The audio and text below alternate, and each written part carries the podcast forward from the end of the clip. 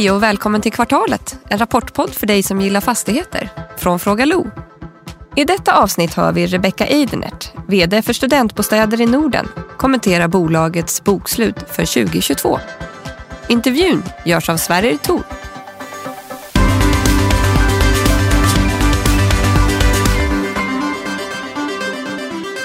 Hallå Rebecka! Hej Sverrir! Hur är läget? Väldigt bra. Härligt. Jag ska inte ens fråga dig om rapporten var bra eller jag ska inte ens säga att jag var. Jag bara ska, jag ska säga vad börsen sa. Plus 7 procent. Mm. Och ni varken höjer eller sänker utdelningen. Det, det är liksom tummen upp. Ja, men det får man väl säga. Ja. Mm. Vi ska höra om, om Niklas också gör det tummen upp. Ja. Varsågod Niklas Höglund. Ja, då är det dags för snabbanalys av studentbostäder i Nordens eh, helårsrapport och fjärde kvartal. Och bolaget fortsätter att växa, rapporterar en tillväxt driftsnetto upp 29 procent för både kvartalet och helåret jämfört med förra året. Och här ska man tillägga att bolaget hade en tuff 2021. Förvaltningsresultatet fortsätter att öka och stiger till drygt 55 miljoner på helåret jämfört med knappt eh, 14 miljoner förra året. Så vändningen vi såg i tredje kvartalet syns ännu tydligare i det här säsongsmässigt viktiga avslutande kvartalet av fjärde. Intjäningskapaciteten ger dock lite blandad syn där driftsnettot ökar med 21 procent jämfört med Q3 och är upp 19 procent från förra året. Fortsatt väldigt bra drag i den underliggande affären. Men stigande räntor pressar förvaltningsresultaten i både aktuell och justerad intjäning. Där aktuella förvaltningsresultatet är ner 11 procent mot Q3 och ner 24 procent mot förra året trots då förbättrat driftsnetto. Justerat för projekten så slår det 29 procent ner mot tredje kvartalet och 16 procent mot förra året. När det gäller värdedrivarna så är omvärderingen ner cirka en halv procent i kvartalet jämfört med drygt en procent för sektorn. På helåret så är det fortfarande plus en procent, vilket är något bättre än rapporterade bolag som ligger på plus cirka en halv procent på, ja, på helåret. Men det är en extremt stor spridning. Men tittar vi på substansvärdet då, som är kombination av omvärdering, kassaflöde och finansiell hävstång så är det upp 2% på året. Oförändrat i kvartalet där kassaflödena säsongsmässigt då också hjälper till lite mer än vanligt. Och värderingsgilden som rapporteras idag är cirka 26 procent i förvaltningsbeståndet, vilket är en marginell ökning då med 20 punkter på ett år, men fortsatt betydligt över vad bolaget rapporterar då givet då det här förbättrade resultatet. Och sen så spär ju såklart projekten ut och underskattar kassaflödet från portföljen om man bara tittar på initiala gilder. Det finns ingen tydlig förväntningsbild men aktien vänder upp cirka drygt 7% på rapportdagen, vilket visar på en positiv respons. Men sen har ju aktien eh, gått lite sämre några dagar efter rapporten, men det har ju varit i linje med börsen. Bolaget har även fortsatt fått investeringsstöd både i kvartalet och nu i början på 2023. Någonting som minskar på investeringsbehov och underbygger avkastningen i projekten, då, allt annat lika. Tittar vi på börsen så har de fortsatt att pressa bolaget mer än sektorn och eh, bolaget värderas till eh, drygt 70 procents rabatt, vilket är faktiskt är sämre än den 65 procent rabatt som vi såg efter Q3 och betydligt högre än sektorsnittet om cirka 30 procent. Och tre negativa. Först och främst den relativt höga belåningsgraden om eh, lite drygt 60 procent, vilket skapar finansieringsrisker och tynger räntetäckningsgraden. Sen tar det längre tid att få kompensation för stigande inflation i hyror för både bostäder och studentbostäder, någonting som har tyngt hela sektorn. Samt en osäkerhet för, ja, kring avkastningskravet i ljuset av de här högre räntorna och en osäker investerarmarknad, vilket riskerar att pressa bolaget mer, ja, givet den höga belåningen. Tre positiva, återigen stark återhämtning av driftsnetto och förvaltningsresultat. Och det här pressades ju under pandemin för studentsegmentet men återhämtar sig nu väldigt tydligt och bolagets vakanser är nära noll. Hög visibilitet kring intjäning efter sjunkande vakanser samt sist men inte minst värderingen då, som är riktigt attraktiv när man tittar på, på rabatt i substans. Och det här ger ju en tydlig vändningspotential när refinansieringsriskerna dämpas och sentimentet stabiliserar sig för bostäder. Tack för det Niklas. Ja, Rebecka, vad, vad är det som, som gör den här rapporten så bra? Men alltså, vi jobbar ju en jättetuff marknad just nu, eh, men eh, alla saker som vi kan påverka, eh, det har vi påverkat. Eh, och, och det, det, visar ju verkligen den här rapporten. Mm. Och det är liksom, kan tänka mig i sådana här tider liksom att det organisatoriska ledarskapet sätts ju på prov såklart. Liksom, men, men du får med dig hela organisationen på, på liksom tuffa, tuffa åtgärder, eller? Ja, nej, men alltså, vi har väl fördelen, vi startade upp 2018 eh, och eh, vi började anställa personal 2020. Eh, så att vi har ju en ny organisation, eh, men eh, oerhört engagerad. Eh, tycker att det är väldigt roligt att gå till jobbet. Och vi pratar väldigt mycket öppet om alltså, vad vi behöver göra. Vi vet att 2023 kommer bli oerhört tufft. Mm. Men vi jobbar tillsammans. Okej, okay, okay, Kan du liksom berätta lite kortfattat vad det är liksom de viktigaste åtgärderna ni har, ni har vidtagit? Mm, ja, men absolut. Nej, men vi har ett fantastiskt uthyrningsteam och det ser vi ju på uthyrningsgraden. Eh, vi hade ju 100 procent i princip eh, Q3.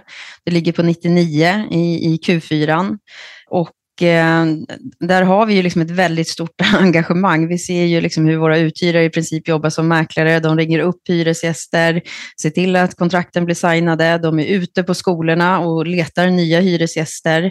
Eh, så att de jobbar ju precis på det sättet vi vill. Eh, tittar vi på liksom förvaltningen ute i landet eh, så är liksom alla engagerade. Vi har fastighetstekniker som också hittar nya hyresgäster. Eh, de är väl medvetna om eh, att eh, det är tufft eh, med inflationen, att hålla nere kostnaderna. Mm. Och, och, det är ju liksom också en dialog vi har hela tiden med alltså vilka olika vägar kan vi gå, vad är alternativen?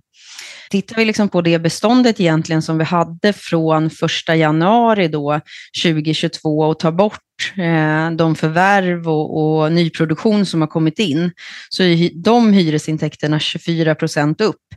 Eh, okay. Och eh, Eh, här är det liksom flera olika faktorer som eh, bidrar till det. Såklart att vi har mindre vakanser, men också att vi ser till att hela tiden hitta nya ytor att hyra ut, hitta nya intäktsströmmar, och det kan vara allting ifrån eh, bilpooler eh, som vi har, som nu börjar generera positivt liksom, kassaflöde.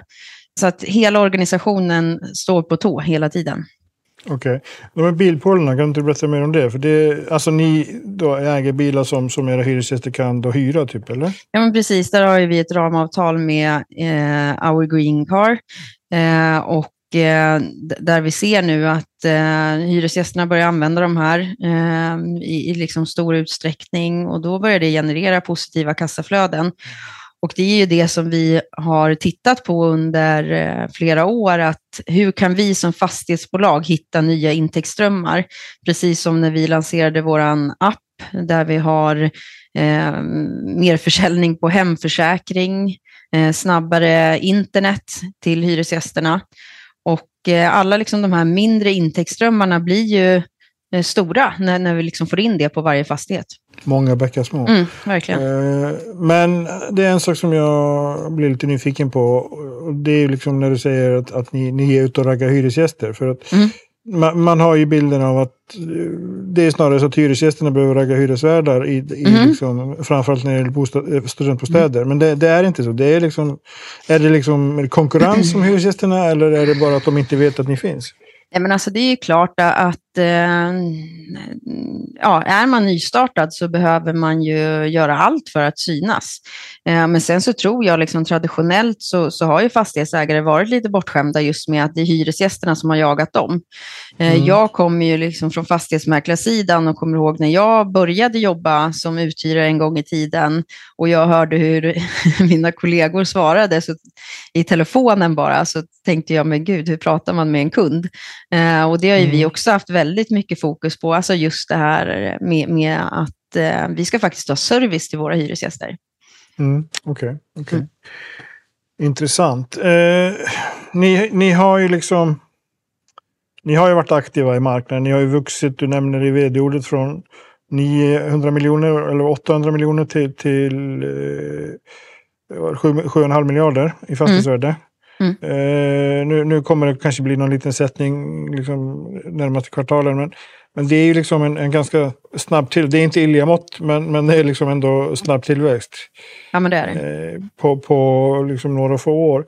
Känner, hur, hur ser liksom strategin ut framåt? För det är ju ändå någon, någon form av förväntning när en aktiekurs stiger så här mycket med, om att, om att det, det ser ljusare ut framgent om man säger så. Mm.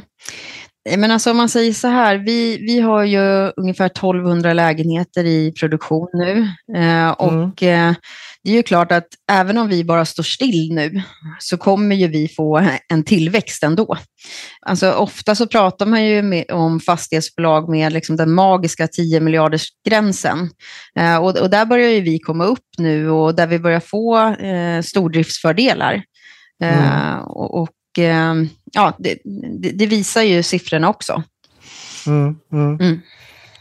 Ni, ni, har ju köpt också, ni har köpt i, i Danmark, ni för, för, tillträdde förvärvet i Danmark nu under, under, under för, förra kvartalet. Mm. Vi, vi har nu för mig att vi pratade om det i för, förra podden också. Men mm. ni har ju också ändå liksom frånträtt så att säga, förvärv i, i, i Norge. Är det liksom svårare idag att hitta fastigheter som, som passar er? För jag gissar att alla de här är inte liksom studentbostäder. Eller köper ni enkom Nej, vi köper typ inte enkom för, för, för att växa. Eh, och jag tror att det, det, är ganska viktigt att titta på också hur liksom värdeutvecklingen har sett ut eh, i portföljen och den, den, finns väl beskriven i, i rapporten. Eh, mm. För många kommer säkert reagera på att liksom vår förvaltningsportfölj eller igen, ja, liksom har ett eh, en positiv värdeuppgång, men, men där är ju en stor del eh, de färdiga projekten i Karlstad och eh, Jönköping som har flyttats mm. över.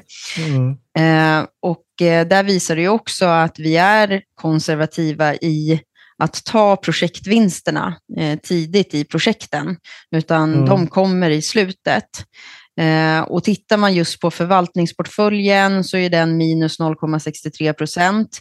Men på det liksom befintliga beståndet som, som eh, vi hade vid årets början, där är det ner minus 3,28 procent. Eh, mm. Och värdeuppgången, det, det blir eh, på den etappen som vi tillträdde i Köpenhamn. Och den blir också ganska naturlig, den värdeuppgången. Vi köpte det i början på 2021. det var en projektfastighet.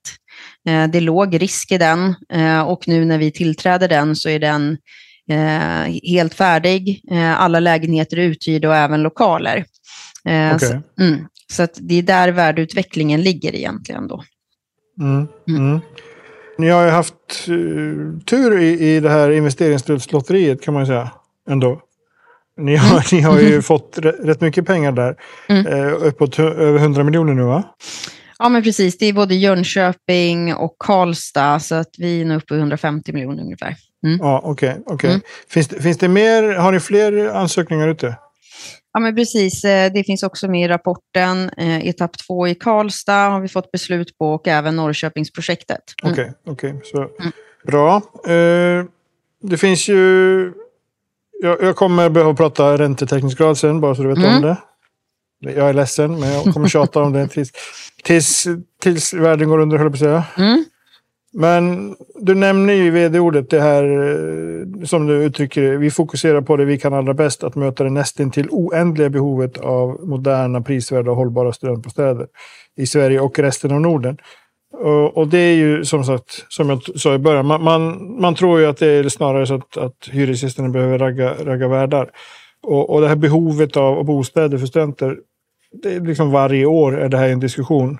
Mm. Nu går vi mot en tid där man kanske ser framför sig att fler kommer börja plugga. Vi pratade om det lite förra mm. gången. Men mm. i vilken mån kan ni ska vi säga, vitalisera branschen? Jag vet att det här är en fråga ni brinner för. Vi har ju jobbat tillsammans på mm. den i Almedalen till exempel. Nej, men och, och, och, vi jobbar ju hela tiden med alltså just att få upp frågan på, på bordet, för att vi tycker det här är, är liksom en väldigt viktig del i samhällsutvecklingen också. Att mm. eh, ja, men just alla som vill ska ha möjlighet att studera. Känns rimligt. Mm. Bra. Hur, hur, hur liksom ser strategin ut för övriga Norden? Ni, ni har ju Danmark och Norge, vi pratat om, vi har pratat om Finland tidigare. Men, men hur liksom var ser ni den stora tillväxten framgent nu? Är, är, det, är det fortfarande Sverige? Ja, alltså det är väl klart när, när marknaden blir eh, skakig så som den är nu så, alltså Sverige är ju vår hemmamarknad och eh, vi ser ju att det finns oerhört mycket att göra här. Eh, och det okay. är klart, alltså under de här turbulenta tiderna så, så kommer det också komma möjligheter. Eh, mm. Så att eh, det står vi absolut redo för. Men ni drar inte in i skalet så att säga och jobbar på, på, på Sverige som, som skalet då? Typ. Eh, nej, inte så som det ser ut i dagsläget, utan eh, vi, vi har ju en stor portfölj i Danmark där, som vi arbetar väldigt aktivt med och, och den danska marknaden är ju, är ju väldigt intressant. Eh, men, men sen Mm. som sagt så ser ju vi att eh, det finns väldigt mycket att göra i Sverige och, och vi är ju med i studentbostadsföretagen eh, och de gör ju undersökningar hela tiden och det är ju väldigt många såklart som drar i handbromsen för att bygga nu. Eh, Så Mm. det här kommer ju bidra till utmaningar många år framöver. Mm, mm. Mm. Du nämner i vd-ordet att eh, uttryck, genom smarta lösningar för boende och gemensamma ytor kan ni liksom hålla hyran på rimliga nivåer Mm. samtidigt som intäkterna ökar per kvadratmeter. Och, eh, då, då har jag skrivit en fråga. Innebär det att ni, ni får ihop kalkylen även liksom givande, givet rådande omständigheter på räntemarknaden? Ja, men alltså, vi har ju jobbat väldigt effektivt eh, med eh, de typhusen som vi har eh, och vi har väldigt små yteffektiva lägenheter. Det gör ju att vi får en högre hyra per kvadratmeter och det kan man ju också se i portföljen när man, man, man tittar på eh, projektfastigheterna. Eh, och sen så är det ju såklart, alltså för studenten, då är det ju månadshyran som Mm. spelar roll.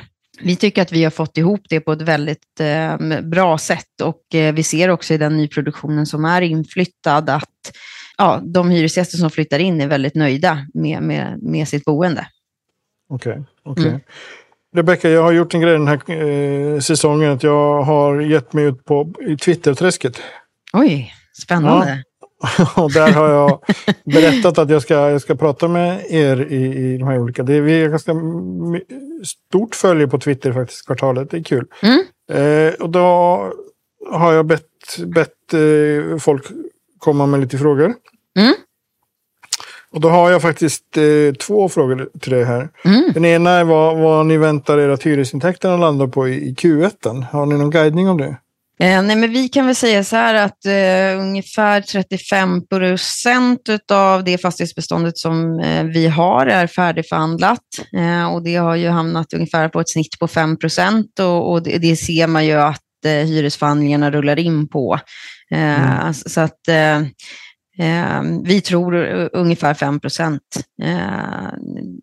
strax under så som det ser ut idag. Och då kommer en följdfråga från Mm. samma person som är på samma tema. Vad tror ni då räntekostnaderna hamnar? Har ni någon guidning där? Den avslutas vi- med en smiley Ja. kan jag säga. Ja, precis. Och den ska inte jag kommentera, tror jag.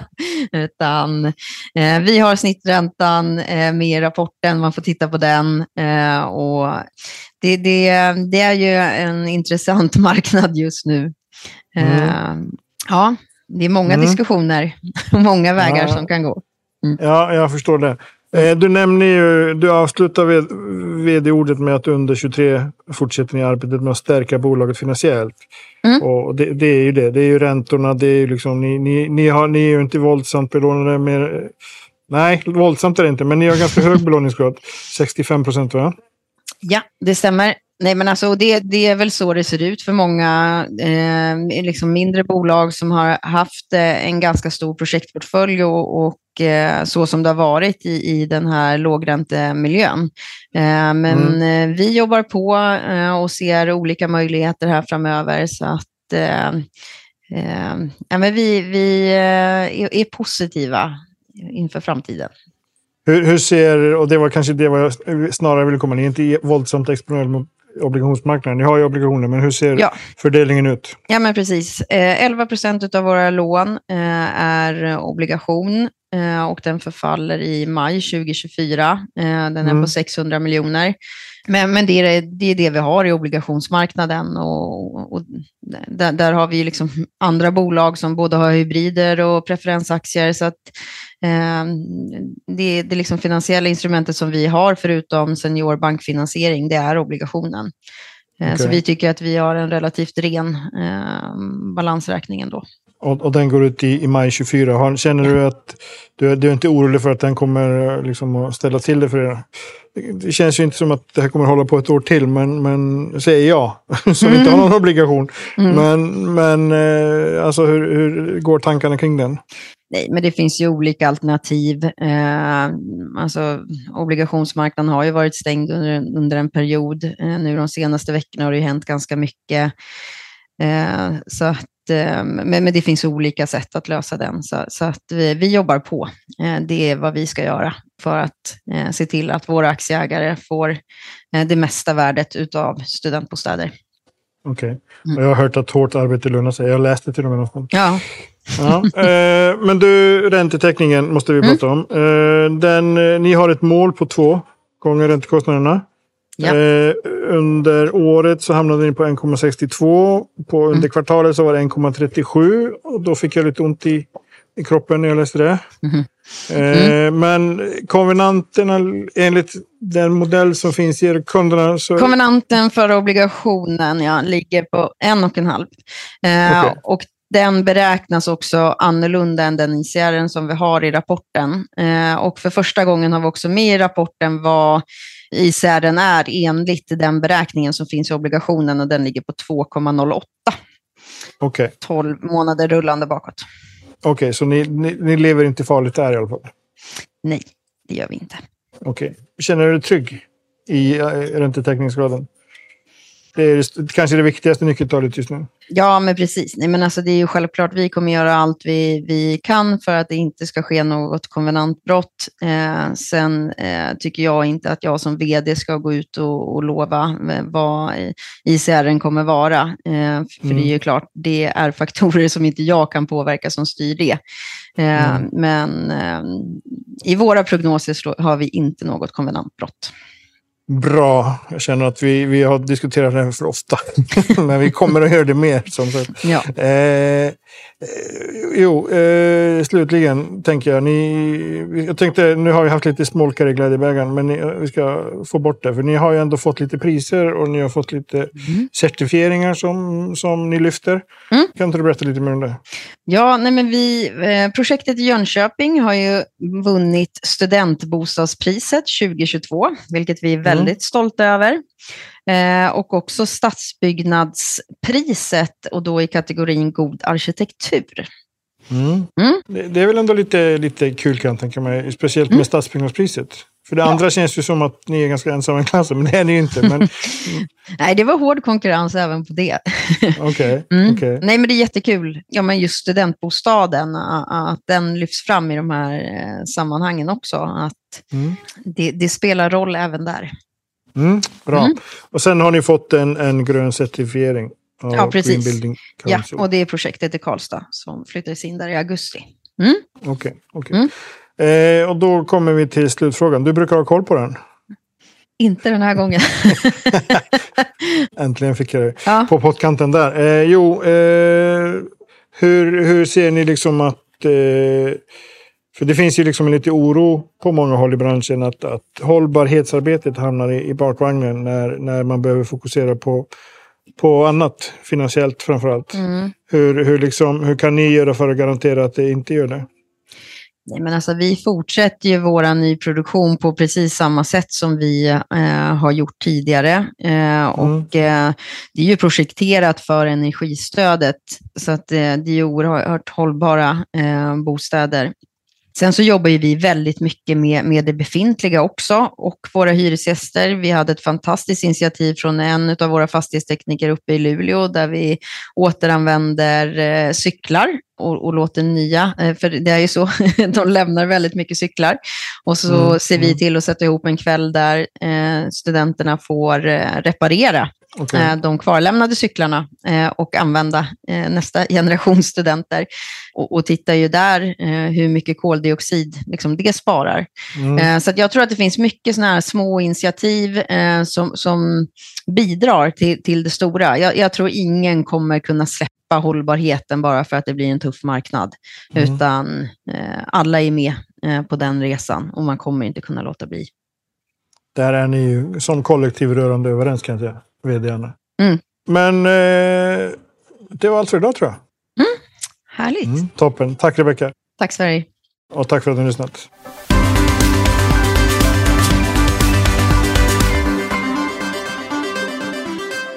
Det här programmet görs på Beppo. Beppo.